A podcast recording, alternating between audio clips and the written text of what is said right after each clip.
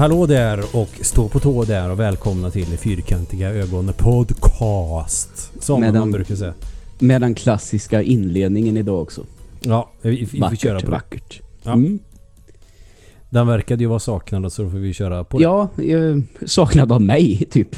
Ja, vi, Ingen annan. vi, vi är vanemänniskor helt enkelt. Ja, ehm, det blev ett litet sommaruppehåll ändå. Men ehm, jag har varit ute och slirat i två veckor skulle man kunna säga. Så Ja. det, det blev så.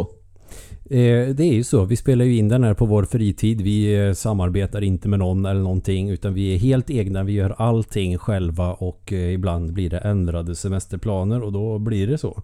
Ja, precis. Jag har ingen ursäkt helt enkelt. Det, det blev så helt enkelt. Mm. Och jag, vi var iväg med husbil. Nice. Mm, det var spännande. Mm. Uppåt till Dalarna. Mm. Ja. Vad ska man säga? Nordvästra Dalarna. Ja, ja. Nära norska gränsen. Mm. Hur var det att köra husbil då? Alltså som, eh, som semester. Inte själva hur den är att köra som fordon utan som semestertyp. Jo men det var, det var ju trevligt. Det var Evelina som eh, körde och Mm. eh, så. Så att eh, jag vet faktiskt inte hur det är att köra som fordon. Jag är lite för feg för det. Det är väl bara att erkänna rätt av. Mm.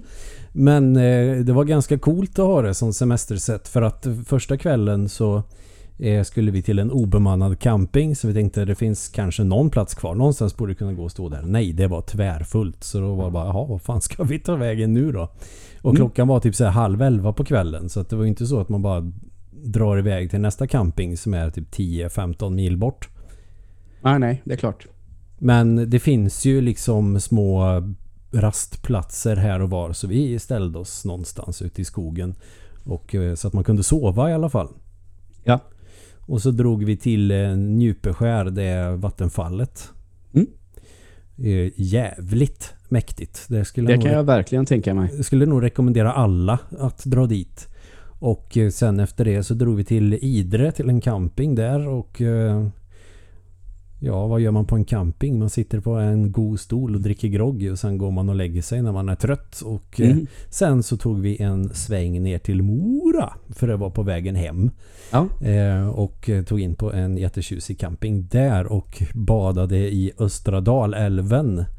Som för övrigt var svinkallt och Ja, det det var välbehövligt för det var varmt. Mm. Så eh, kanonbra. Sen efter en dag i Mora så drog vi hem. Ja.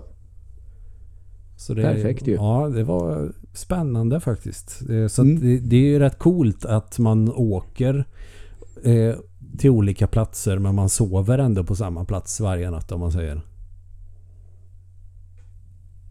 Ja. Så det är ja, spännande. Jag är, är djupt imponerad av de som kör husbil. Det kan fan Ja, som. Evelina till exempel. Jag menar husvagn. Ja, jag, jo, jag imponerar alla som kör husbil. Stora husbilar också. Ja. Eh, För vi lånar mina föräldrars husbil. Den är inte... Eh, Jo, det är klart som fan den är stor. Men alltså den är ändå inte så där jättemycket större än en personbil. ja, nej, jag förstår. Men känns stor när man är inuti den. Mm. Så det var, nej, grymt. Men köra husvagn begriper jag inte att folk eh, mäktar med. Nej, det... Man får träna mycket på att backa, tror jag. Det är väl framförallt Ja. det som jag skulle tycka var svårt, tror jag. Och det är många Eh. campingplatser där du ska backa in på Mm. din plats. Exakt. Och då är det också ganska specifikt hur och var du kan stå. Ja, såklart. Ehm, så ja, det skulle man få träna lite på. Så tror jag att man skulle lösa det också. Men det Mm. Eh, skulle börja med släp, tror jag. För det har jag heller aldrig backat med. Och det är som farsan säger att eh, ja, det krävs lite träning, sen grejar man det också. Ja, så är det ju. Allting är pissläskigt när det är första gången. Ja, ja visst. Första gången jag satte mig på ett motordrivet fordon överhuvudtaget, vilket jag antar var en moped kanske, Mm. var ju otäckt. Köra bil första gången var ju också jävligt otäckt. Ja, absolut. Men mest roligt faktiskt, men att växla tyckte jag var asjobbigt i början. Ja, framförallt så tyckte jag det var ju, jag, hade ju, jag har inte kört så mycket moped eh, i mina dagar. Nej. Eh, en Crescent kompakt några gånger bara. Det är på den nivån. Och eh, så därför hade jag inte den här känslan för dragläge eh, riktigt. Så det fick jag ju träna en del på när jag började eh, övningsköra. Men eh, ja, man fick ju känslan för det till slut också. Ja. Mm. Nej men så att sen var vi på Loka brunn nu i veckan också. Ja. Trevligt. Det kan jag tänka mig. Det är eh, inte helt fel att sitta i en riktigt god bubbelpool och eh, sörpla på en champagne. Det det, det är semester. Ja, det kan man väl lugnt säga. Så, och idag har jag varit iväg och köpt lite tv-spel. Ja, jag såg det på vår eh, Instagram. Det såg spännande ut. Var Mm. du i Grums eller? Ja. Ja. Eh, och plockade loss lite spel. Eh, en amerikansk utgåva Guardian Legend faktiskt. För att jag orkar inte vänta på att få tag på en europeisk utgåva. Och sen eh, lite japanska Super Nintendo-spel och sådär. Så att eh, ja, det kändes bra. Det kändes bra i magen att få hem liksom lite retrospel. Plus att jag fick tummen ur arslet och köpa det nya Mario Golf-spelet till Switch. Mm. Eh, Det har jag inte kört än så jag kan inte säga någonting om det. Plus att jag köpte även eh, Skyward Sword HD. Ja, just det. Och eh, får också lite känsla av att jag tror nog att jag vet varför jag aldrig fortsatte spela det. Mhm. Eh, för det intrycket jag fått hittills, jag har kommit till Earth Temple heter det, som är massa eld och lava. Att det är ju inte så mycket... De har ju verkligen gått stenhårt på den Ocarina of Time formeln att du ska ta dig till ett ställe och det är inte bara själva eh, slotten eller hålorna eller vad man ska kalla dem som har sina pussel utan det är på ett pussel överallt. Som du Okej. ska lösa. Ocarina of Time tror jag nog var ganska tidig med att eh, inte lika mycket utforskning men desto mer liksom pussellösning. Vilket Mhm. är kanske en av de bästa delarna med Zelda. Och så då gick den väl fullt ut med det. Eh, varenda jävla grej i Skyward Sword är ett pussel. Okej. Till och med kontrollerna är för fan ett pussel. Ja. Men har de gjort någonting med kontrollerna till den här? Det tror, hade jag för mig att jag såg någonting om att man får välja lite hur man ska spela det med kontrollen. Ja, precis. För att eh, Wii-versionen var ju gimmick så det sprutar om det. Mm. Varenda motion-grej eh, används till 100% i det här spelet. Hur du ska slåss med svärdet, hur du ska använda skölden. Allting kräver någon form att du ska sitta och vifta så förbannat. Ja, just det. Eh, vilket också var lite så här: nej, det är en cool grej, men... Äh, blir också besvärligt efter ett tag. Speciellt i fighterna när fienderna kanske skyddar sig på vissa sätt och då måste du antingen hugga från sidan eller från överifrån eller underifrån. Och det är ju coolt. Det skulle vara coolt som ett minispel. Typ Wii Sports fäktning eller något sånt där. Ja, ja. Eh, Men efter några timmar i Zelda så blir man lite less på det kan jag känna. Ja, det kan jag tänka mig att man blir. Ingenting som sabbar spelet så men... Ja. Idén är cool. Men om du kör på Switch då, kan du, då använder du svärdet med den vänstra styrspaken. Ja, Eller högra gött. styrspaken, inte vänster, högra. Mm. Jag kan inte höger och vänster, det får ni överseende med. Och det funkar helt okej. men för att kunna springa runt och eh, använda kameran som man ju gör i tredjepersons äventyrsspel. Så måste du hålla inne L-knappen. Ja, okej. Och det har hänt jättemånga gånger att jag har glömt att hålla inne L-knappen för att jag är van med spel med drägliga kontroller. Eh, vilket gör att jag eh, svingar klingan mot en bomb och spränger mig själv i luften. Ja, jag förstår. Men det är nog en vanesak. Det är inte dåliga Säkert. kontroller. kontroller. Jag begriper mig bara inte riktigt på dem för det känns lite väl komplicerat för ett action-äventyr. Ja, verkligen. Och så att jag tänker att det kan nog ha varit det som var lite off-putting som gjorde att jag väntade med det till Wii. Vilket innebar att jag spelade för första gången på tio år nu då på en helt Ja. annan konsol. Ja, jag förstår det. Men nu kommer jag köra igenom det. Jag har kul med det. Men det är inte mycket utforskande. Det är en jävla massa pussellösning. Sen är det en dungeon och där är det också mer pussellösning. De är rätt svåra upplever jag också, de här pusslen man ska göra. Det är väldigt många detaljer som är väldigt lätt att missa. Okej. Men det kanske säger mer om mig än om spelet. Det får jag väl ändå vara öppen för. Men det är min upplevelse i alla fall. Mm. Eh, men i övrigt, jag tycker att grafiken är kanon. Det är ju 60 FPS, funkar väldigt bra. Eh, så jävla god stämning faktiskt. Jag gillar det. Jag gillar hur allting ser ut och känns. Ja. Så jag ska Bra. inte bara säga allting så dåligt. Jag börjar med det. Men i Ja. övrigt så tror jag nog att jag kommer att eh, njuta rätt gott. Det känns som att eh, karaktärerna har fått liksom mer personlighet med den här delen av spelserien. Eh, jag vet ju till exempel att eh, när det här kom så fick det ganska bra betyg från personer som annars inte brukar gilla Zelda så mycket. Det Mm. tycker jag står ut lite med det här. Bland annat så vet jag att han eh, Viktor Lövenkopp slash Viktor Lejonhuvud Mm. eh, som numera utvecklar spel på egen hand men som har varit med en del på SZ och har eh, den här podden som heter Overkligt bland annat. Mm. Och hade på den tiden när det här släpptes, det här lilla programmet Press to Play med den här killen Christer, som jag inte kommer ihåg vad han heter mer än Christer nu, men ni kanske vet vem det är. Han har varit med i Comviq-reklamerna bland annat på senare tid. Och har någonting med DreamHack att göra på något vis tror jag. Ja. Jag tror att jag har nämnt det för inte allt för länge sedan eh, också. Du brukar nämna så många olika typer Mm. av plattformar och poddar och sånt så vi får nog snart ta betalt av dem. Ja, precis. Ehm, men eh, ja, jag vet att han sa det, att han tyckte att det här var ett lite speciellt Zelda och han tyckte att det brukar vara bättre än de som han brukade eh, testa. Ja, alltså de har ju verkligen lagt eh, mest fokus på att lösa problem. Så, det är inte mycket utforskning överhuvudtaget utan det är problemlösning och eh, det brukar ju Zelda vara bra på. Mm. Personligen så vill jag nog kanske ha mer utforskning i ett Zelda. Så det känns som att de kom till någon form av vägs ände med Skyward Sword. Bara, nej men nu måste vi göra någonting för att eh, komma tillbaks. Och, Mm. Men jag tror inte att Breath of the Wild hade blivit så bra som det är om det inte vore för Skyward Sword. Så det tycker jag ändå att Skyward Sword ska ha rätt mycket cred. Ja. Du utvecklar en del grejer från eh, kanske mest vad fan heter det när man seglar nu då? Eh, Wind Waker. Ja, precis. Ja. Det är min såsiga jävla semesterhjärna.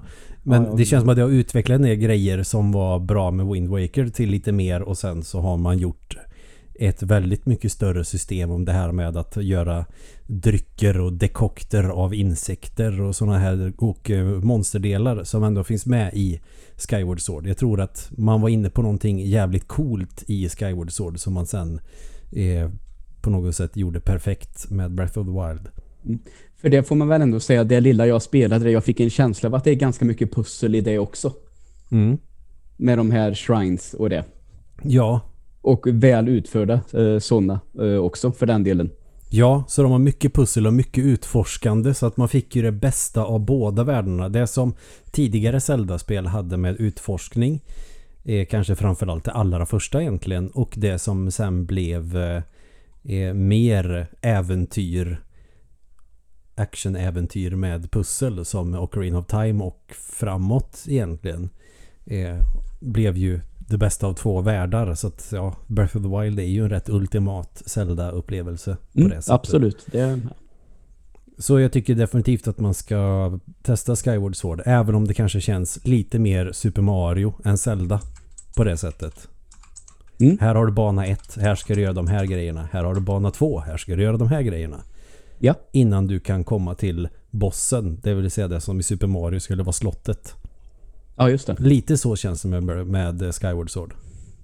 Mm. Och det gör ingenting. Nej, nej, absolut. Lite grann bara. Men det, det, det, som sagt, det säger mer om mig än om spelet skulle jag säga. Ah, Så ja. att- Mm. Och eh, vill du säga någonting mer? Ja, jag skulle bara vilja passa på, nu, nu nämnde vi Breath of the Wild till Switch. ehm, eh, Switch som är eh, bärbar eller på tvn. Så skulle jag bara vilja slänga in och säga att eh, Valve har gått ut med att de släpper sin Steam Deck i slutet eh, av året. Alltså bärbart PC-spelande. um, inspirerad av Switch skulle jag väl vilja säga. Även om de säger själv att uh, uh, vi tror att det finns en PC, uh, en marknad för PC-spelare att spela um, ja, bärbart slash handhållet också. Mm. Vi kommer aldrig kunna mäta oss med det som Switch erbjuder sina kunder. Och nej, det tror inte jag heller. Men jag känner så här den här PC-spelaren, um, om man tänker den typiska, det är mycket online och sånt där. Um, undrar hur stort behovet är för en sån här, kände jag. Och det ville jag bara uh, fråga om lite. Jag tror mm. att det kanske tilltalar mer att de som vill ha lyxen med mm. handriktningsspelande. Mm det som jag reagerar på för det, så skulle det ju kunna vara. Uh, och jag är ju nöjd med att, som pendlar mycket till exempel, tänker sig, ja, uh, jag har spelat 5000 5577 banor på Toon Blast. Mm. Majoriteten av dem när jag pendlar. Mm. Uh, så spela, ha spel med mig, det är någonting som jag uppenbarligen gillar, så mm. sett. Men om jag skulle ha en sån här då ser man den kommer i 64 GB, 256 GB och 512. Då vill man nog i alla fall upp på i alla fall 256. Mm. Då kostar den 529 dollar. Det kommer ju bli typ 5 och 5 säger vi då i Sverige, mm. om vi säger så. Det är jävligt dyrt, tycker jag. eh, jag tycker och, att det är en jävligt cool idé faktiskt. Eh, Ja, ja, ja. Idén inte... är säkerligen kanon, men jag känner... Eh, om vi tittar på mig då. Som mm. ja, jag skulle kunna tänka mig att spela lite när jag åker buss till exempel.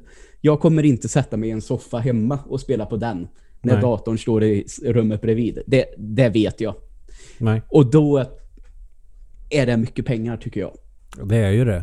Mm. Jag skulle kunna tänka det som jag älskar att spela bärbara tv-spel. Det är bland det absolut bästa jag vet. Jag spelar fortfarande på min Playstation Vita till exempel.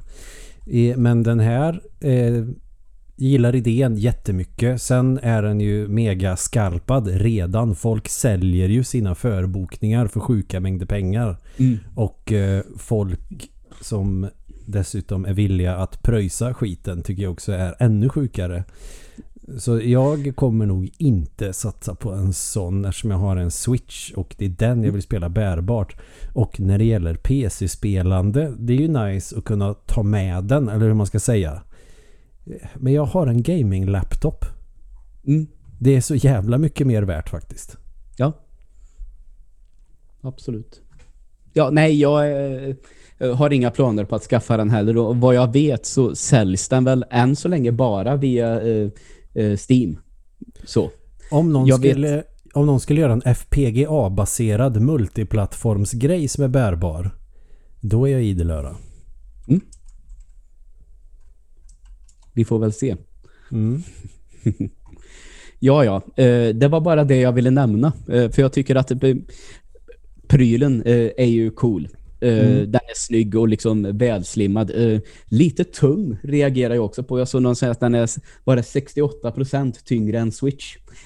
Rätt mycket. Det kan bli obekvämt alltså. Ja, och likadant så. Jag tycker ju, det var aldrig något problem med Switchen, men den är ju inte lätt heller. Kan jag tycka. Den blir ju lite sådär. Mm. Kände ju någon gång när jag åkte till Göteborg och fick sitta så här och sitta med den att det, jag blev inte trött i armarna, men den var ju tillräckligt tung för att liksom bli lite obekväm ändå. Ja, Nej, om den är så tung så vet jag fasen. Och sen är det klart, när det är många komponenter och dret och det ska vara starkt in i helvete, då är det klart, då blir det tungt. Mm. Men det känns lite overkill kanske. Kanske.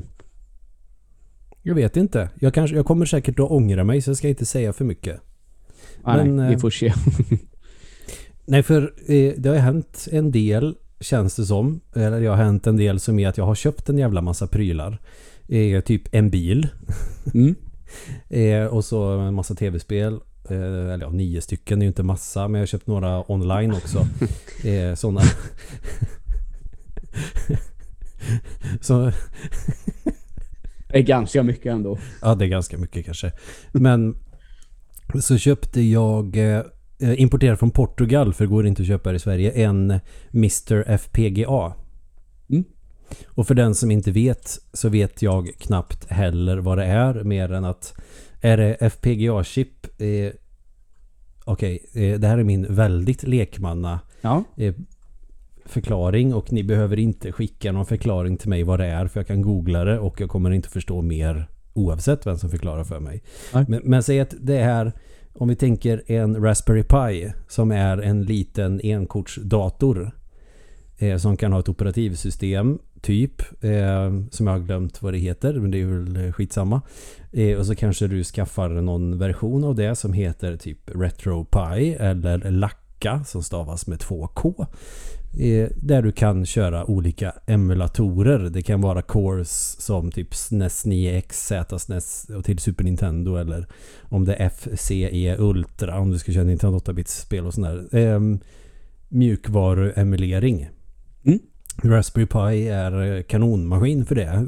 MAME funkar också, Amiga, Commodore 64, you name it. Är Eh, MAME den här arkademulatorn det? Precis. Mm. Multiple Arcade Machine Emulator står det för. Mm. Som gav min dator blue screen.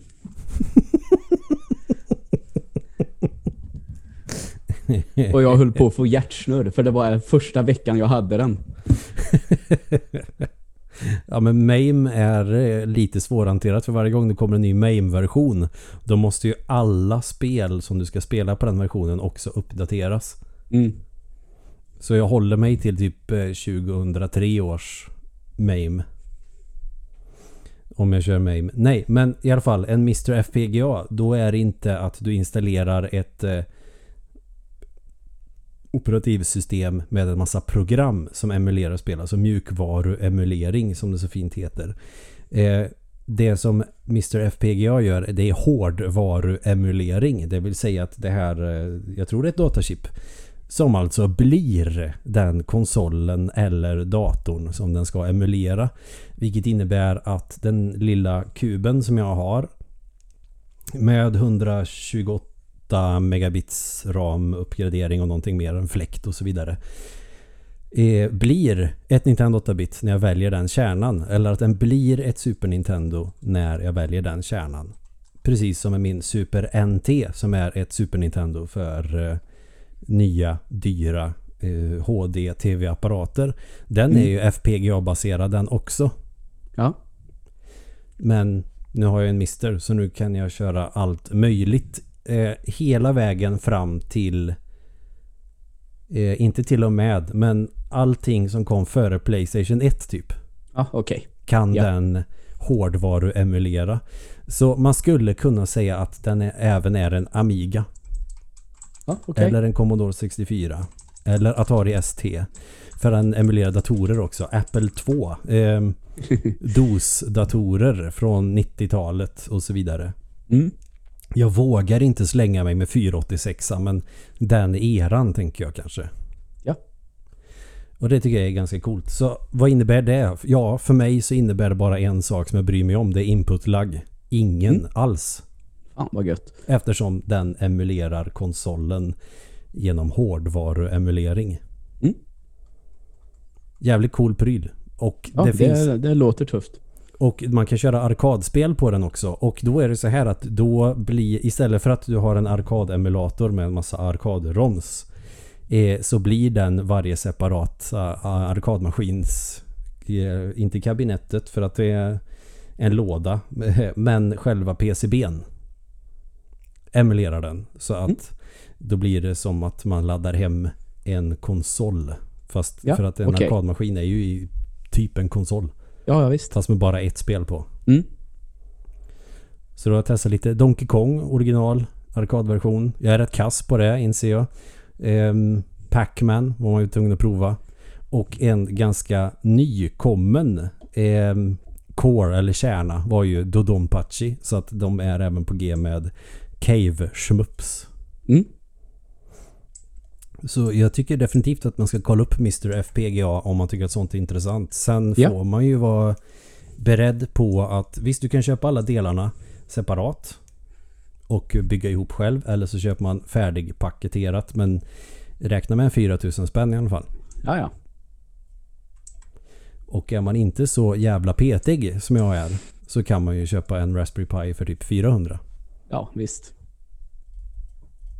Så, men det... Nej, så jag har testat as mycket spel. Eh, jag, jag kanske kan prata om den senare vid något annat tillfälle. För nu är det väl dags att gå vidare till veckans ämne. Ja, det tycker jag. Och vi lämnade ju egentligen eh, spel som har eh, tidsresande när vi hördes sist. Mm. Och lovade ju då att eh, prata lite om filmer med tidsresande. Och eh, där är vi ju nu. Vi ska snacka film med Mm. tidsresor. Och det var allt. Så säger vi. ja, ja, nej, jag tänkte bara fråga, eh, vill du börja och plocka fram någon eller ska jag ta en? Jag tycker att du kan få ta en. Eh, då tar jag en och då eh, gör jag det väldigt enkelt för mig och tar filmen som heter The Time Machine. Mm. Eh, har ju kommit ett gäng olika. Eh, den jag vill prata om det är den från 2002. Mm. Den är gjord av en kille som heter Simon Wells. Och han är då alltså ättling till författaren H.G. Wells som skrev boken The Time Machine. Okej. Ehm, därför tycker jag att den eh, sticker väl ut lite då. Mm. Ehm, det var en film som jag såg på bio 2002 och gick därifrån och tyckte att den hade fångat en hel fantastisk känsla eh, av ehm, vad ska man säga, människans utveckling på något sätt. Mm. Eh, så jag, jag såg den som en väldigt, väldigt bra film. Eh, har sett om den både en och två gånger och kan väl konstatera att den kanske inte är fullt så bra som jag tyckte att den var när jag var, ja, vad blir det, 15 år. Den är helt okej. Den är jävligt lökig och konstig. Men ska, vad jag har förstått, följa boken väldigt, väldigt bra om man jämför med några av de andra filmerna som gjorts. Så den, den är trogen sitt eh, källmaterial. Mm. Och det kanske är därför den blir lite märklig. För boken är ju rätt gammal. Mm. Så det är som det, ja. Men i alla fall. Eh, kort och gott så handlar det om eh, det är en forskare som friar till sin fru i en park i New York skulle jag tro att det är. Okej. Eh, och kort därefter så blir hon skjuten av en rånare. Och då utvecklar han den här tidsmaskinen för att åka tillbaka och rädda henne. Mm. Och det här är absolut ingen spoiler för jag tror att vi är max 15 minuter in i filmen nu när han eh, åker tillbaka, tar med henne bort från parken. Mm. Men istället så är det någonting som välter över henne så att hon dör. Vilket han konstaterar att man kan inte ändra på historiens gång utan det där kommer att ske oavsett vad han än gör så kommer hon att dö den natten. Mm. Så istället bestämmer man sig för att bara dra framåt i framtiden. Och då får man ju se lite det här hur människans teknik har utvecklats och till slut så spårar det ju ur helt när människan har byggt några former av gångar på månen så att månen till slut kraschar in i jorden. Oj. Och då eh, hamnar vi typ, ja, jag tror att det är, är det 20, år 20 000 efter Kristus då istället. För då drar han bara framåt. Och då eh, befinner vi oss istället, nej 802 000 år var det visst. Oj, inte 20. jävel. Ja, eh, eh, inte 20 000. Jag såg det här nu. Eh, och då är väl människan finns kvar men lever på ett väldigt primitivt sätt. Men det finns också en annan underjordisk ras som heter morlocker. Och det är väl här någonstans som det börjar att bli lite lökigt. ja, Jag, jag men tycker att det är lökigt att förvänta sig att människan skulle leva i 80 000 år till. 800. Ja, 800 80 000 år till. Ja. Jag skulle ge människan kanske 10 000 år till. Eh, ja, men låt oss säga då att eh, det kanske hinner gå varvet runt en gång till. Ja. Eh, det sägs att människan kommer tillbaka en gång till, typ. Så kan man nog se det. Ja, just det. Mm. Eh, men i alla fall, eh, den hade för sin tid eh, ganska snygga effekter också. Jag kommer ihåg när han ligger avtuppad i den här tidsmaskinen och de här 800 000 åren går så får man liksom se hur eh, erosion får nya floder och nya berg att växa fram. Det är en ny istid. Det där tyckte jag var jävligt häftigt då när jag var 15 år. Så jag tror att det var väldigt mycket det som jag fastnade för. eh, Sådana grejer är ganska coolt faktiskt. Ja, eh, och man får heller inte glömma eh, Jeremy Irons, en helt fantastisk skurkroll. um, ja, och även den här, kommer du ihåg artisten Samantha Mamba? Oj, nej. Nej, hon gjorde väl lite sådana där vet, någonstans kring 90-talet när det var lite inne med typ sån här eurodisco. Mm. Um, och jag kommer ihåg också att väldigt många musikvideos uh, byggde på att hon såg väldigt, väldigt bra ut. Mm. Och det var innan man kanske hade en tanke på vad man gjorde för musikvideo. Så det var mycket att hon skulle hoppa upp i pooler i små bikinis och sånt där. Mm. Ja, du förstår Sex vad jag menar. säljer och så vidare. ja, exakt. Det gjorde det uppenbarligen också. Ja. Men i alla fall. ehm, och det blir väl också lite, lite pajigt. Jag blev fan nästan lite nyfiken på den här filmen. Ja, men alltså den är kort och gott underhållande. Alltså den, den går absolut att titta på och bli underhållen av i 90 minuter någonting. Mm. Så absolut, du kan se den. Men eh, jag kanske på den eh, tiden skulle slänga fram liksom att det här är en 8 av 10. Det, kan man nog backa i alla fall minst ett par steg Mm. på en sån topp 10. Vad skulle du säga då? tio. Sex poäng av tio eller? Ja, en svag då. Ja. Ja, så någonstans eh, mellan godkänt och bra. Så. Mm. Mm. Grymt. Ja, men eh, den fångar ju verkligen eh, när man tänker på eh, tidsresor. Eh, det finns ju lite olika sätt som jag tror att vi kommer in på, men det här är väl verkligen, verkligen den klassiska tidsmaskinen rent designmässigt. Det är en stol man sätter sig i och man drar i en spak, framåt eller bakåt. Så liksom det är väldigt... Det är därför jag ville prata om den egentligen. Det är ingen sån här eh, annat sätt att göra det på, utan ja. Men den är baserad på boken då som hans farfar eller vad det nu kan vara skrev. Mm, 1895. Okej, ja. Fan, det är långt bak. Mm. Eh, kan...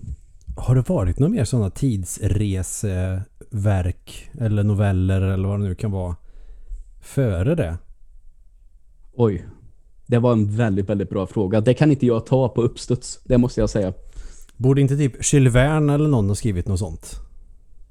Jo. Och han är väl typ kring samma tid, tror jag. Jag Han började väl skriva kanske 1860 skulle jag gissa på. Jag kommer inte ihåg nu. Men Ja, säkert. något tidigare säkert. Någon kanske på 1700-talet skulle ju kunna komma på någon sån grej. Ja, det är väl inte omöjligt. Um, men annars så känns det, det här är ju absolut science fiction-genren. Och jag vet inte, det brukar man ju prata om Mary Shelley med Frankenstein som ganska tidig. Och det är väl också 1800-tal, är det inte det? Jo, det är det. Det är ju eh, skräckromantik. Romantiken var väl 1800-tal. Mm. Så jag undrar ifall det, han kanske är eh, relativt först med just tidsresor ändå. För det är ju ett fantastiskt roligt koncept. Mm. Kan säkert finnas någon grekisk filosof som har räknat ut med avancerat mattetal hur tid hänger ihop. Mm. Som bara det i sig är ju ett enda stort filosofiskt koncept. Egentligen. Absolut.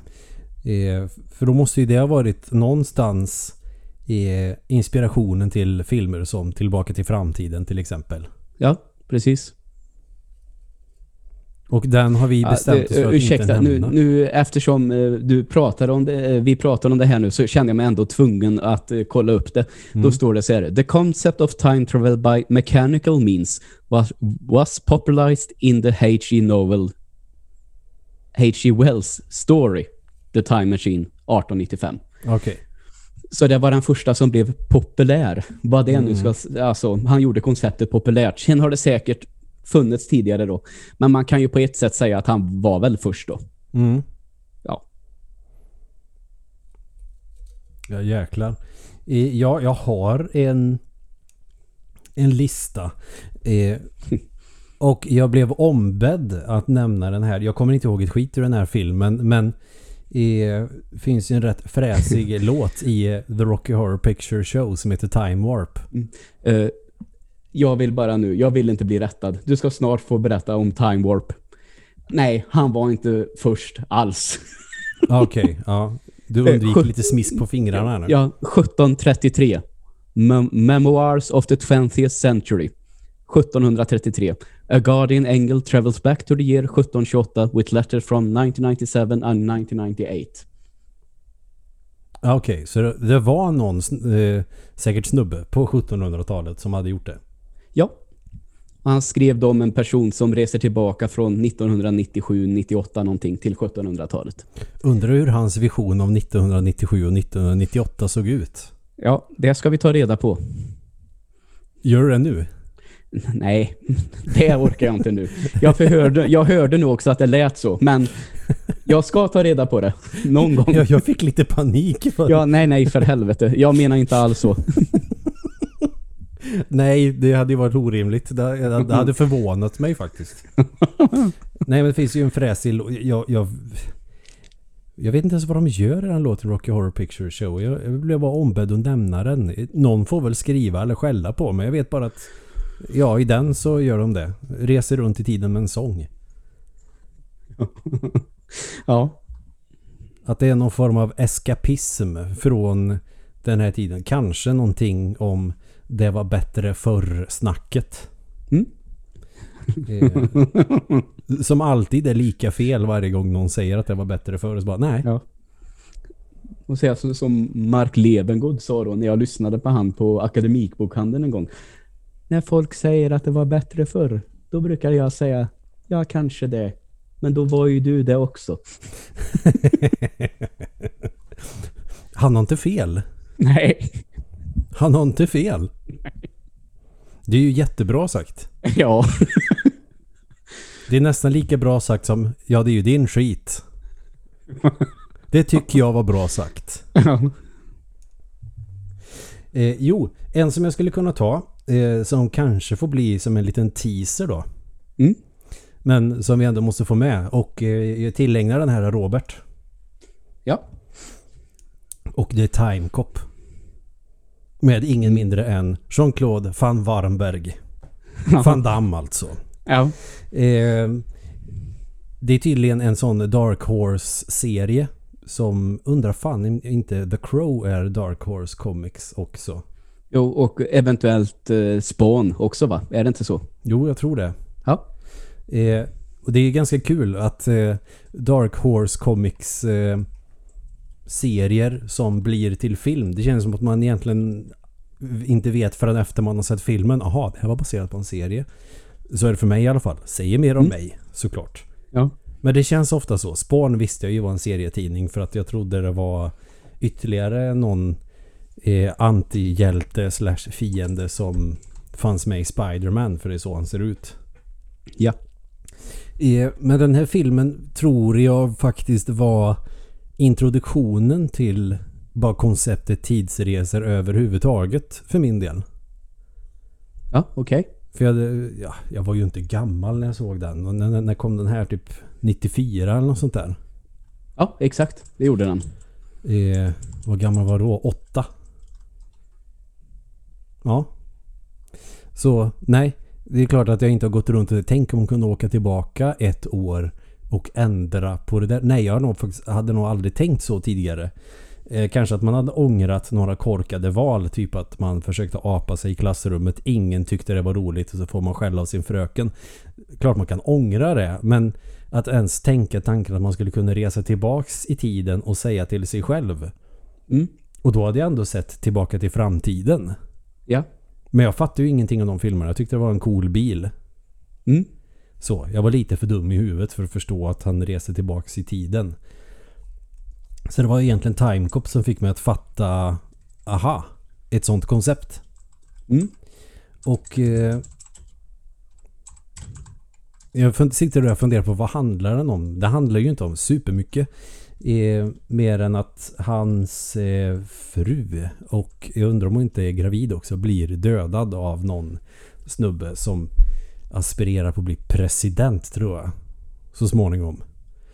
Och eh, naturligtvis blir man bitter över det. Sen så spolar filmen fram 10 år till Okej. eh, science fiction-året 2004. Mm. Det vet vi att all, två, år 2000 och allting framför det är ju flygande bilar och eh, Megaman-robotar överallt. Liksom. Det vet man med år Ja. 2000 och framåt att så är det ju. Eller ja, vi har ju Tesla så det kanske är på gång. Men då, blir, då jobbar han som typ polis. Ja, varav namnet Timecop då naturligtvis. Alltså jag är så Captain Obvious nu när jag sitter och säger det här. Eh, det är också för att vara lite rolig. Eh, fast han verkar inte som att han åker runt på stan och jagar tjuvar utan han åker runt i tiden och jagar bovar så att de inte ska... För uppenbarligen så har man ju hittat tekniken för att resa i tiden och då är det många som försöker utnyttja det för att ändra historien. Och då finns det poliser då som åker till den tidsperioden och stoppar dem. Det är egentligen ett jävligt coolt koncept. Ja, eh, vi nämnde ju det när vi pratade eh, lite inför vi tryckte på play att så sa vi några gånger jävligt coolt koncept ändå. Jag tror jag sagt det om varenda film hittills. Ja, och jag tror att det, det räcker även på den här Timecop när du berättar om den. Ja, jävligt coolt koncept. Ja, jag gillar det som fan. Och då tänker han ju naturligtvis att, eh, för att jag tror att den här skurken som är dödade hans fru då för tio år sedan eh, håller på att bli president och han kommer ju inte kunna sätta dit honom för det här så då tänker han då att han ska åka tillbaka till 1994 och lösa det här. Mm. Men då finns det också såna grejer att man måste ju naturligtvis undvika att träffa sig själv. För det Ja, kan ja, ju fucka såklart. upp tiden rätt hårt naturligtvis. Men sen är det någonting om att eh, samma materia kan inte befinna sig på ett ställe på en gång. Det vill säga att man kan inte nudda sig själv. Mm. Att, eh, vad ska nej, man nej. säga? Eh, Materia 1 och kopian av materia 1 kan inte vara i kontakt med varandra. Nej. Och Och då- materian som tidsresor. Då. Ja, Ja, och då innebär det alltså att då kommer, eh, kommer man implodera och försvinna. vackert. Det är ganska coolt faktiskt. Mm. Det, så den filmen var verkligen sån här oj, tänk om. Shit, tänk om. För precis som man ser med olika typer av eh, litterära verk eller filmer och sånt där. Någonstans finns det ju ändå en tanke bakom att ja men det där skulle säkert någon i framtiden kunna göra. Till exempel helikoptern. Var inte det en idé av Leonardo da Vinci till exempel? Jo, exakt. Det blev ju verklighet sen. Kanske tog några hundra år men det blev av. Eller flygplan. Ubåt. Ja, det är hela det där köret. Ja, det var ju science fiction då men det är verklighet nu. Och det får en ju att tänka som åttaåring. Då eh, tänkte jag ju för sig inte på upplysningstidsförfattare. Det kan jag ju inte påstå. Även om jag hade sett eh, Gullivers resor som film. Men man tänker ändå att ja, i framtiden så kanske det är så att man hittar ett sätt att resa genom tiden. Vad skulle jag vilja göra då? Hmm. Och jag tror att det faller på att jag skulle spela så att jag tjänar en jävla massa pengar som Biff gör i eh, Tillbaka till framtiden. Men vad fan skulle inte göra det? Nej, jag skulle åka till mig själv på gymnasiet och ge mig en örfil och säga skärp dig. Ja, det kanske jag skulle göra med mig själv på högstadiet. Du, lugn nu för fan. ja, precis. Du ska bara stå där och hålla din käft. Mm. ja. Eller typ åka tillbaka till. Ge mig själv allting jag äger. Ja. Och säga, gör dig inte av med det här. Nej, nej, visst. För då kommer jag ha det, plus lite till. Ja, absolut. Här har du en tv-spelsamling. Bygg på den här. Ja, Du ger dig själv en Playstation 5 nu och säger Och så det får hade du säga att du har coolt. utvecklat den. Precis, du, det är också en sån tanke tack vare Timecop. Tänk om jag skulle, på den tiden var det väl, fan vet jag, Playstation. Tänk om Mm. jag skulle åka till 80-talet med en Playstation och säga ja det är jag som har utvecklat den här. Ja. Eh, och redan då började jag tänka att de måste ju skrapa bort alla logotyper som finns. Ja, där det står Sony i alla fall. Ja, precis. Va? Ja, ni kan få titta på komponenterna. Det, det här har jag satt ihop. Om de skulle fråga mig om ritningar eller någonting sånt. Mm. Då skulle det ju vara kört. Då får man säga du har väl en Ah, ingenjör, fan, han får det, väl kolla. Det, det kan du ju skriva ut. Från nätet. Det lär ju finnas nu. Jo, jo, men när jag var åtta år tänker jag. Ja, nej, men om du åker tillbaka till dig själv som åttaåring alltså. Jaha, så får men- du liksom ja. informera ditt åttaåriga jag. Ja, ah, du tänker så att jag åker som Är det här till 35-åring någon? till, min, till mitt åttaåriga jag. Mm. Med en Playstation 5 då. Så här. Ja. Mm. Och så ger du dem bara de här nu. Men jag förstår... Gör bara som jag säger nu. Och så ber du mamma eller pappa kontakta Patentverket. Och sen när Mm. de ber att utveckla en, en ny så säger du att du har slutat. Att du har dragit dig tillbaka. Annars Ja. kan det bli jobbigt. Mm. Ja, det är klockrent.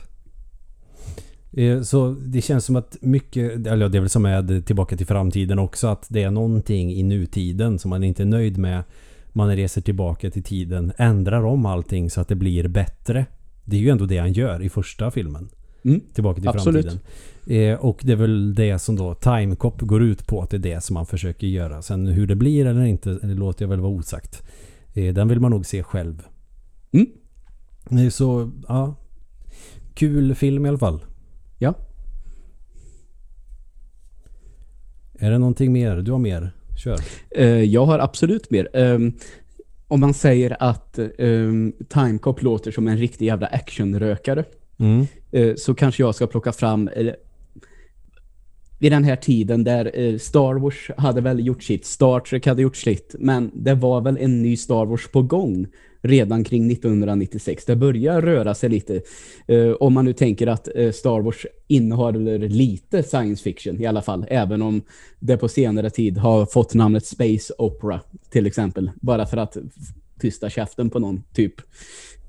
Eh, så kan vi säga att jag vill prata lite om den här skitiga science fiction. Du vet lite det här som är som i Alien. När, Ja. och det är en film med Bruce Willis i huvudrollen. Um, Svenskt namn, De tolv apornas armé. Och jag kommer säga det. För jag tycker att det låter jävligt tufft. Jag tycker att det låter sjukt roligt som inte annat. Ja, eh, precis. Och lite som den här världen vi har levt i nu de senaste två åren med eh, covid så handlar den här också om år 2030 och i stort sett hela mänskligheten har dött ut av ett farligt virus. Ehm, och man forskar på det här runt 2030 att var började det? Vad var det som satte igång det hela? Wuhan i Kina. Eh, ja, exakt. Nej, eh, riktigt så specifikt är det inte. Men man tror att det är eh, ja, mm, terrorister eller en eh, organisation, eh, terrororganisation som då har namnet De tolv vapenas armé. Kan inte du tipsa om den för alla flat earthers där så kommer det att balla ur fullständigt. Ja, varför inte? Eh, jo, ehm, i alla fall. Ehm, så det man utvecklar här kring år 2030 då, det är just eh, tidsresor. Och man väcker upp eh, Bruce Willis för att skicka honom tillbaka till 1996 för att stoppa den här organisationen att sprida viruset. Mm. Och den här kan man säga år 2030, det är jävlar mig ingen trevlig plats. Liksom det är den här, det är väldigt, väldigt mörkt hela tiden och Bruce Willis han är lider väl, alltså man skulle kunna kalla det någon form av Alltså han drömmer väldigt, väldigt mycket mardrömmar. Så att det skulle kunna vara någon form av så här posttraumatiskt stresssyndrom. Alltså något liknande det skulle jag dra upp så här. Mm. Ehm, så ser mycket syner och uh, mardrömmar och hela den där biten. Så det, det är en väldigt, väldigt mörk film. Mm. Eh, och kanske sticker ut lite från de två vi har pratat om hittills med The Time Machine och Time Cop. Mm. Och, som vi har pratat mest om idag i alla fall. Mm. Um, kommer ihåg att um, det var en sån här film alltså jag tror att jag, jag fick se den några år efter att den hade kommit. Uh, och så kommer jag ihåg att farsan sa så här det är en science fiction film. Spela in den och se den. Den är bra. Och jag hör i mitt huvud science fiction och tänker då naturligtvis Star Trek Mm. och Star Wars. Så jag kommer ihåg när jag startade när den började sånt där extremt långsamt tempo. Det är mycket dialog. Och det här, just det här, det är så jävla mörkt och tragiskt. Så jag bara så här, det här är väl inte science fiction? Alltså jag tror inte att jag kopplade riktigt då vad science fiction kunde vara. Eh, Så det här är en film som jag har lärt mig att eh, om Time Machine har blivit sämre så är det här en film som har blivit mycket, mycket bättre. Mm. Så. Eh, Så den här skulle jag skulle kunna vara med på en jag kommer ihåg att vi gjorde såna här 30-listor över våra favoritfilmer för några år sedan. Eh, internt, du och jag och, och Max. Mm. Um, det här är nog en film som jag skulle kunna ha med på en sån. Alltså inte nödvändigtvis bästa filmer man sett, men favoritfilmer som man har. Det skulle den här kunna vara med på en topp 30-lista kanske. Jag undrar fan om det inte var de listorna som ändå gjorde som blev den lilla gnistan som tändes till den här podden. Ja, det är inte Alla de diskussionerna vi hade för att motivera våra val. Mm. Och så tyckte vi att det här är ju roliga diskussioner. Det, säkert, det finns säkert andra som tycker att det skulle vara roligt med de här diskussionerna. Mm. Absolut. Och så sitter jag och berättar väldigt flyktigt om filmer och mer om vad jag tänker efter att jag har sett filmen.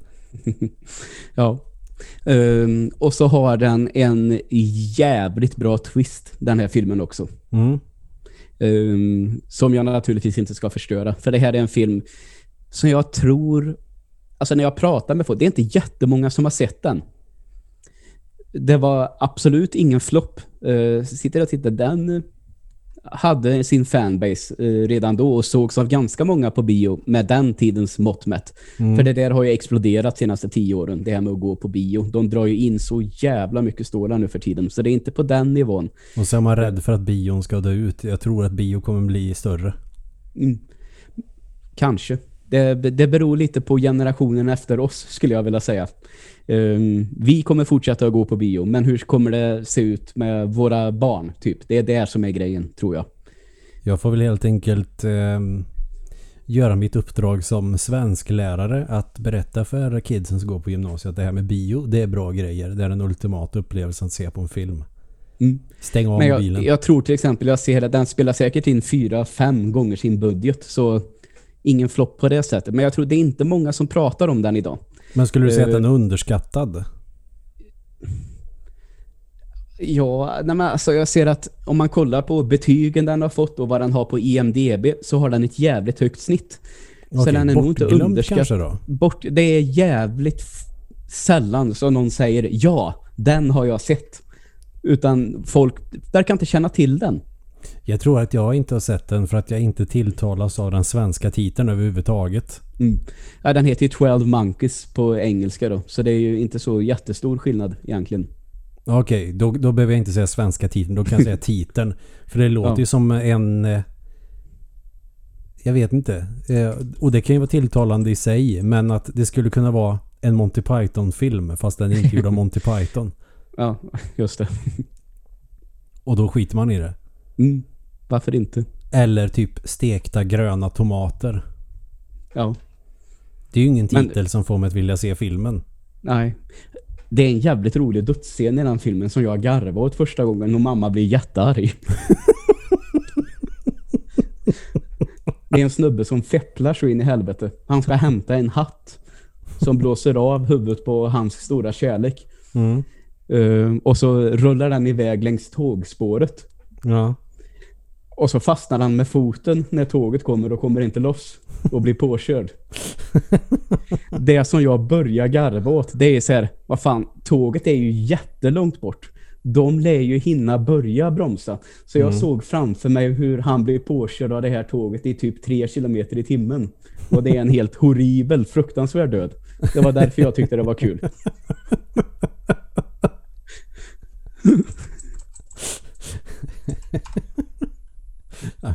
Tänkte du att han blev överkörd långsamt?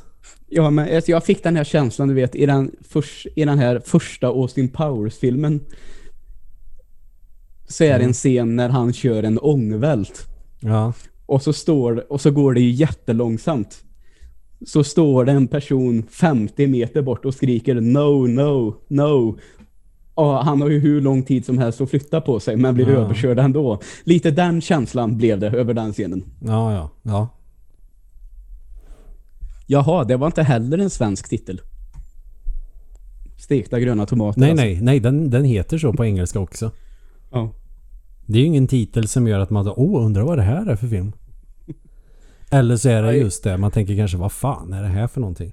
Fried green tomatoes dramakomedi. Ja, ja.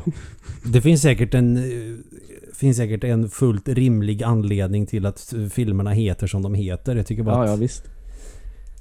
Ja, jag vet inte.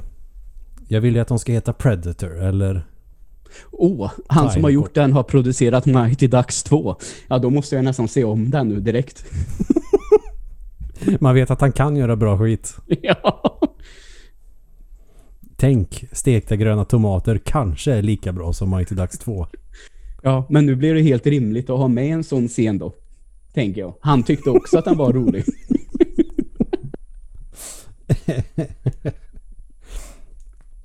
Nej, gud.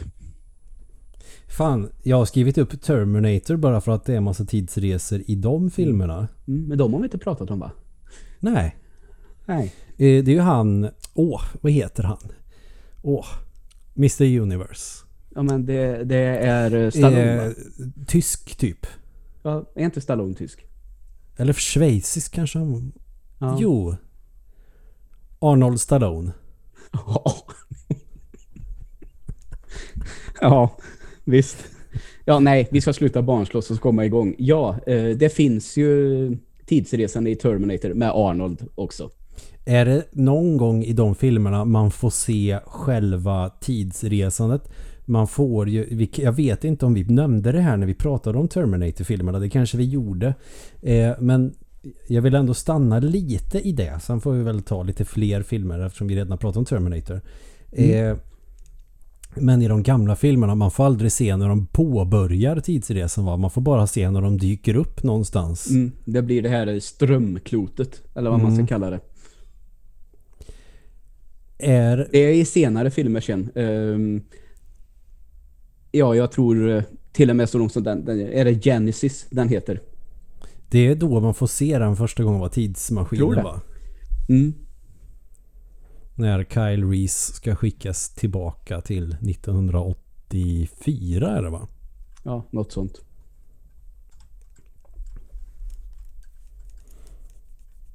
Ja, Nej, för att jag tänker att Terminator... nej, men jävlar vad pajigt det blev. Ja, ja, eh, ja nej. varsågod. konstpausen var jag tänkte, skulle, kan jag säga något mer nu? Nej, för det jag tänker är med hela Terminator, för att det har ju kommit... eh, Jag har inte sett den senaste Terminator-filmen.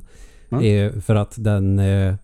Det var inte så den har inte fått så bra betyg och då tänkte jag fan vågar jag se den eller ska jag försöka behålla serie, filmseriens värdighet på något sätt genom att eh, vänta med? Jag vet inte. Eller så Två inte minuter, den. två minuter in i filmen sa jag, nej men vad fan. Det är så. Ja, Så jag är lite rädd för att se den. Men det som jag tänker är ju att du har ju... Dels så har du ju framtiden från första filmen. Kyle Reese åker tillbaka till 1984. Eh, gör så att John Connor kan födas överhuvudtaget. Då blir det ju förutbestämt att eh, han åker inte bakåt i tiden för att förändra någonting. Han åker bakåt i tiden för att framtiden ska bli som den blir. mm. Och eh, den verkliga förändringen för att ändra på framtiden görs ju egentligen inte förrän i Terminator 2. ja exakt. Vilket också innebär att vid Terminator 3 så bekräftar de ju att ja men oavsett vad som vi har gjort så skulle det leda till det här. För Skynet blir väl en grej i Terminator 3, är det inte så? Jo, visst. Och sen så kom det den filmen med Christian Bale. Det är väl bara framtid. Det har ingenting egentligen med de andra filmerna att göra va? Nej. Mer än att den kanske till och med utspelar sig före Terminator 1. Ja, eh, för han träffar ju Kyle Reese i den filmen. Och Ja. då är han ju väldigt ung. Ja, och som jag har fattat det så har människorna typ vunnit mot robotarna när de skickar tillbaka Kyle Reese. Ja, Så är då poängen att skicka tillbaka Kyle Reese för att kunna säkra tiden som de är i. Okej, nu vann vi mot eh, Skynet. Jag måste skicka tillbaka dig bakåt i tiden för annars kommer den här vinsten aldrig göras. Men eh, sägs inte det till och med i första eller andra filmen att eh,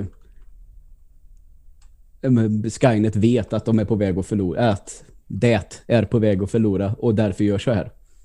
Det kanske är så.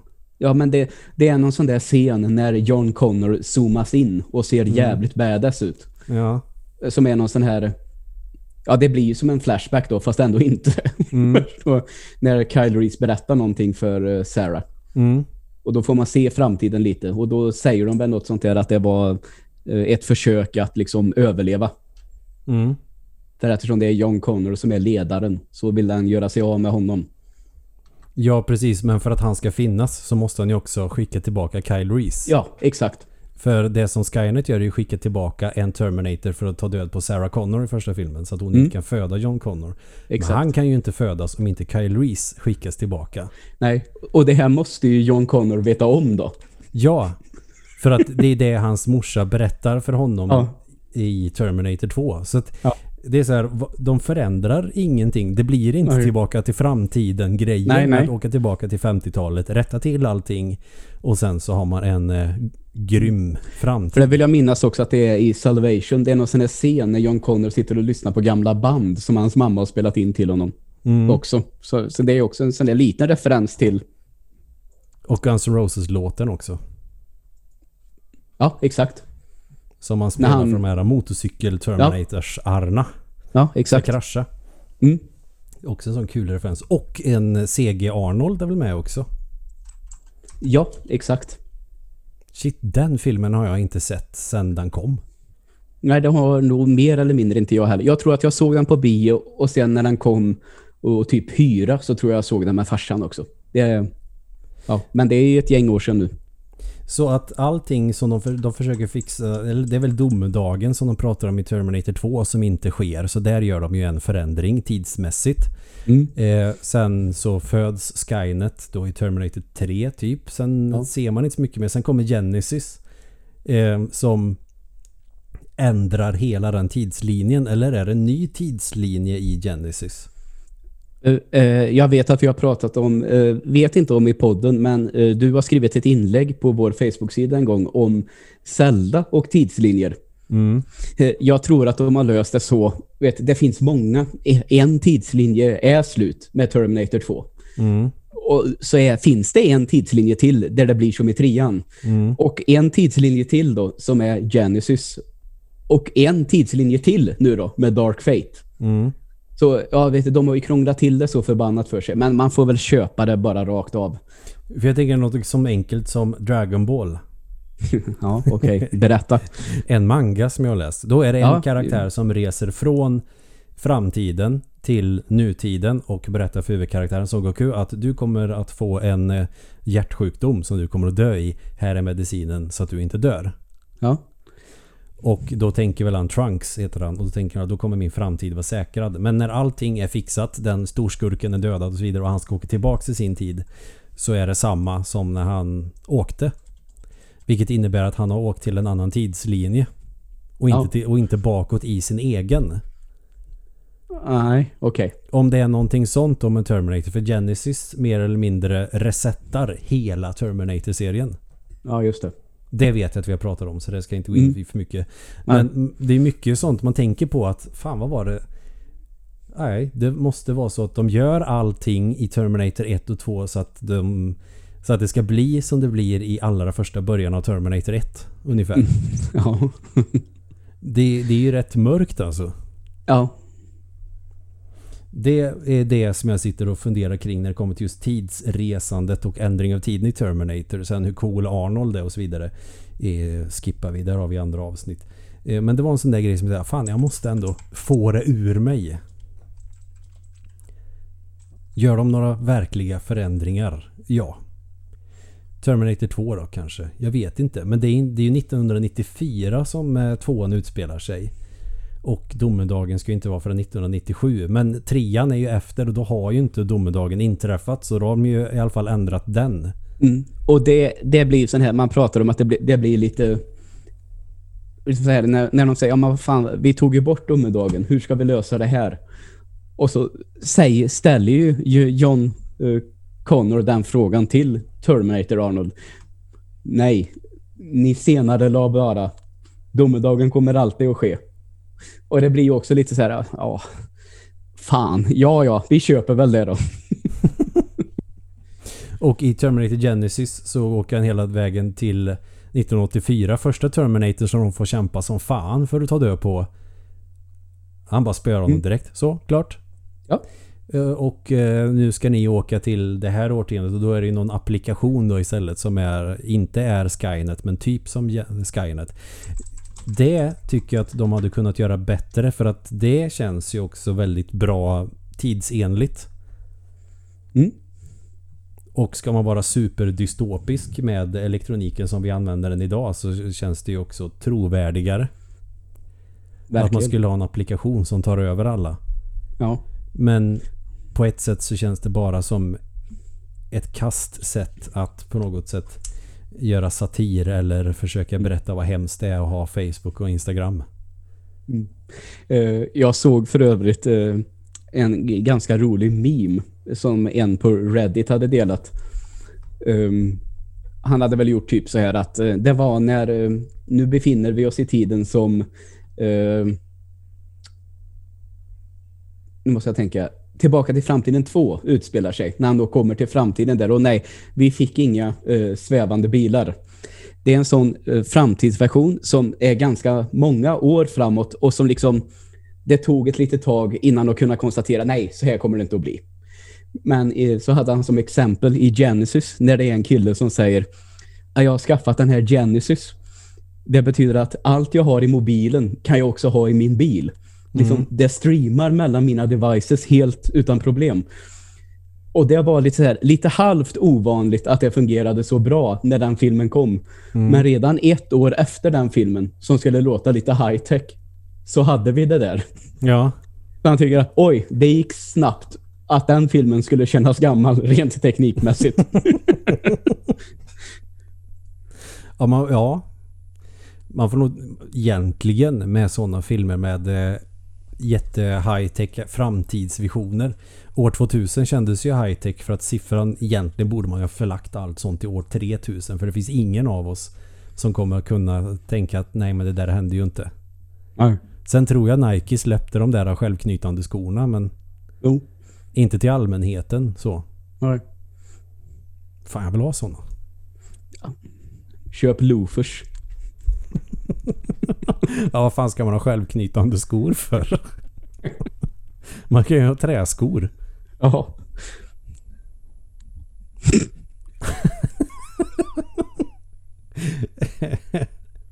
Nej, ska vi ta en film till? varmt det. Ja, vi tar en film till. Jag vill Ja, prata... Jag har, också varmt. Jag har glömt öppna fönstret så att jag kokar där inne.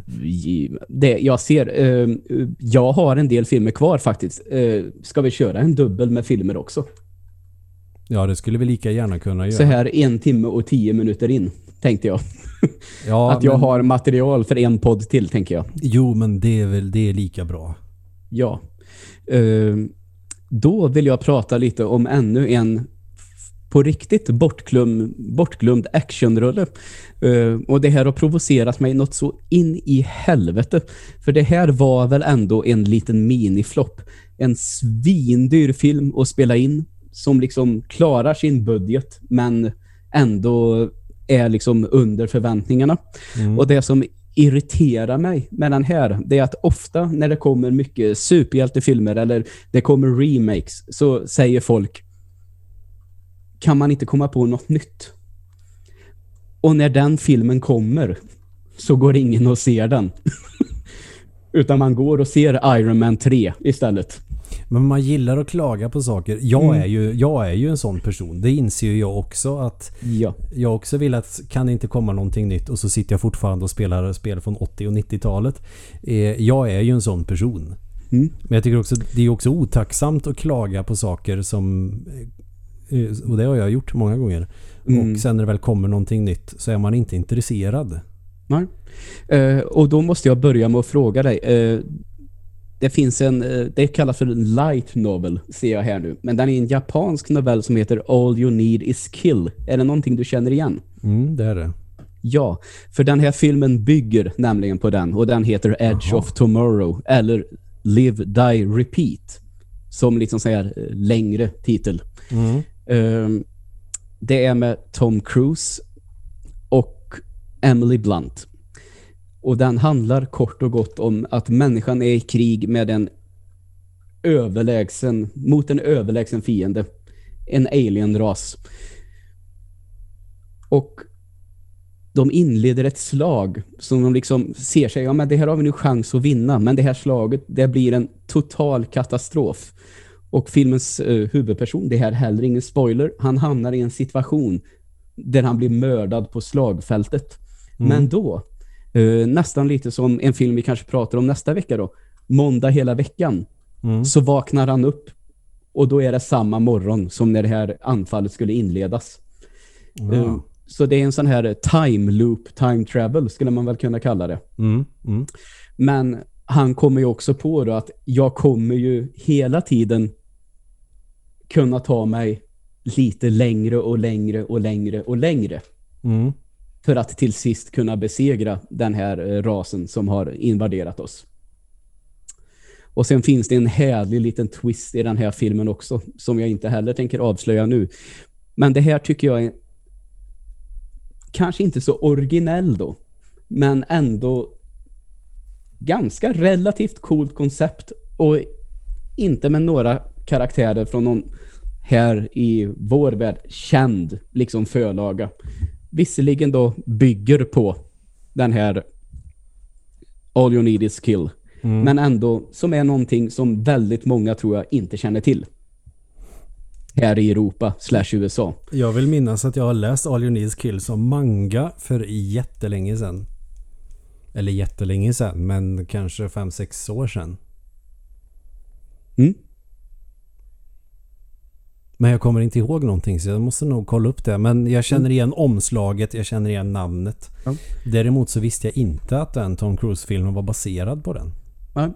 Eh, jag kommer inte ihåg att det var så den hette, men jag visste att det var någon sån här japansk förlaga i alla fall. Mm. Eh, sen vet jag inte, jag har försökt att kolla upp lite eh, vad skiljer. Den verkar vara väldigt löst baserat på. Mm. Så jag vet inte om det bara har den här time loop grejen som de liksom och aliens som de liksom har tagit och gjort en annan film på lite. Alltså om vi ska in i manga-världen, den typen av time loops finns ju i svinmånga manga. Att eh, någon dör för att det blir en katastrof i framtiden och sen vaknar före själva grejen ska hända och har en chans att eh, på något sätt eh, värja sig mot det. Mm. Det finns det flera sådana exempel på. Eh, som jag inte kommer på nu när jag ska... Eh, jag tänker inte sitta och namedroppa, men det är ett ganska vanligt koncept. Ett Mm. annat Oh, sånt jävlar. koncept eh, som inte har med tidsresor att göra det är att det är någon som dör och sen hamnar i en typ fantasyvärld. Ja, okej. Är ju, det, det är en helt egen genre. Det finns ju många som helst. Mm. Men jag gillar den tanken med att allting gick åt helvete och så dör man som typ sista människan på jorden eller vad fan det nu kan vara. Och sen vaknar upp. Jag tror jag läst någon jävla manga då det är en zombie-apokalyps. Och det är en person som dör och han eh, vaknar upp eh, Mm. den dagen som själva zombie-apokalypsen händer. Och att han ska försöka, kommer inte ihåg vad den heter. Det var inte länge sedan jag läste den mangan men Nåväl. Men i alla fall, det, sådana där grejer finns ju naturligtvis också. Men det här tycker jag liksom, det, det här är filmen som egentligen väldigt, väldigt många har frågat efter. Mm. Och det är inte så att den på något sätt blev dålig, utan alla som har sett den verkar tycka att den är verkligen skitbra. Och det tycker jag också. Mm. En riktigt sån där, en av 2014 var den absolut en av de bästa filmerna från det året. Garanterat. Mm. Vad fasen. Vad sa du? Edge of Tomorrow? Så den ska du absolut se. Ja, Den det är måste jag ju göra då. skitcool faktiskt. Mm. Jag gillar ju sånt.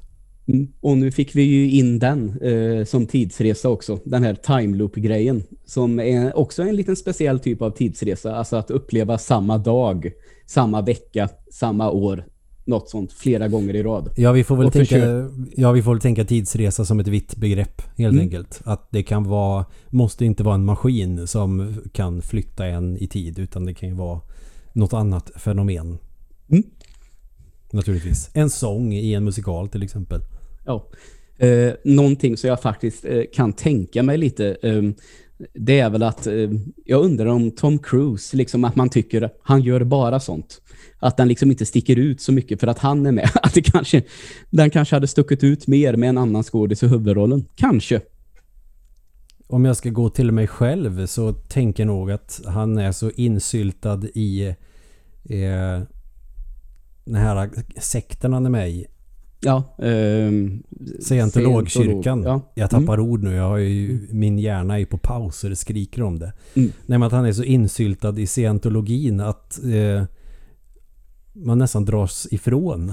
Eh, ja, Eh, Så är det ju. Det är en väldigt, väldigt speciell människa. Men man kommer ju inte under, man kommer inte ifrån att de har gjort jävligt många sådana där Mission Impossible-filmer nu. Och jag tror att det är i alla fall två, om inte tre till på gång inom den närmsta tiden. Plus Top Gun, uppföljaren där. Och jag känner att jag kan inte komma på en enda dålig film han har gjort. Nej. Det Det, är jävligt bra actionfilmer. Och sen säger jag, men han gör alltid samma roll. Ja, men då får man titta på hans tidigare filmer som han gjorde tidigt i karriären. Det är där han har gjort andra filmer. Sen har han Ja, ju ja. de sena, nu är det ju okej då, senaste 20 åren gjort mycket action. Mm. Men som sagt, vi har ju de här um, Född den 4 juli, Rainman till exempel.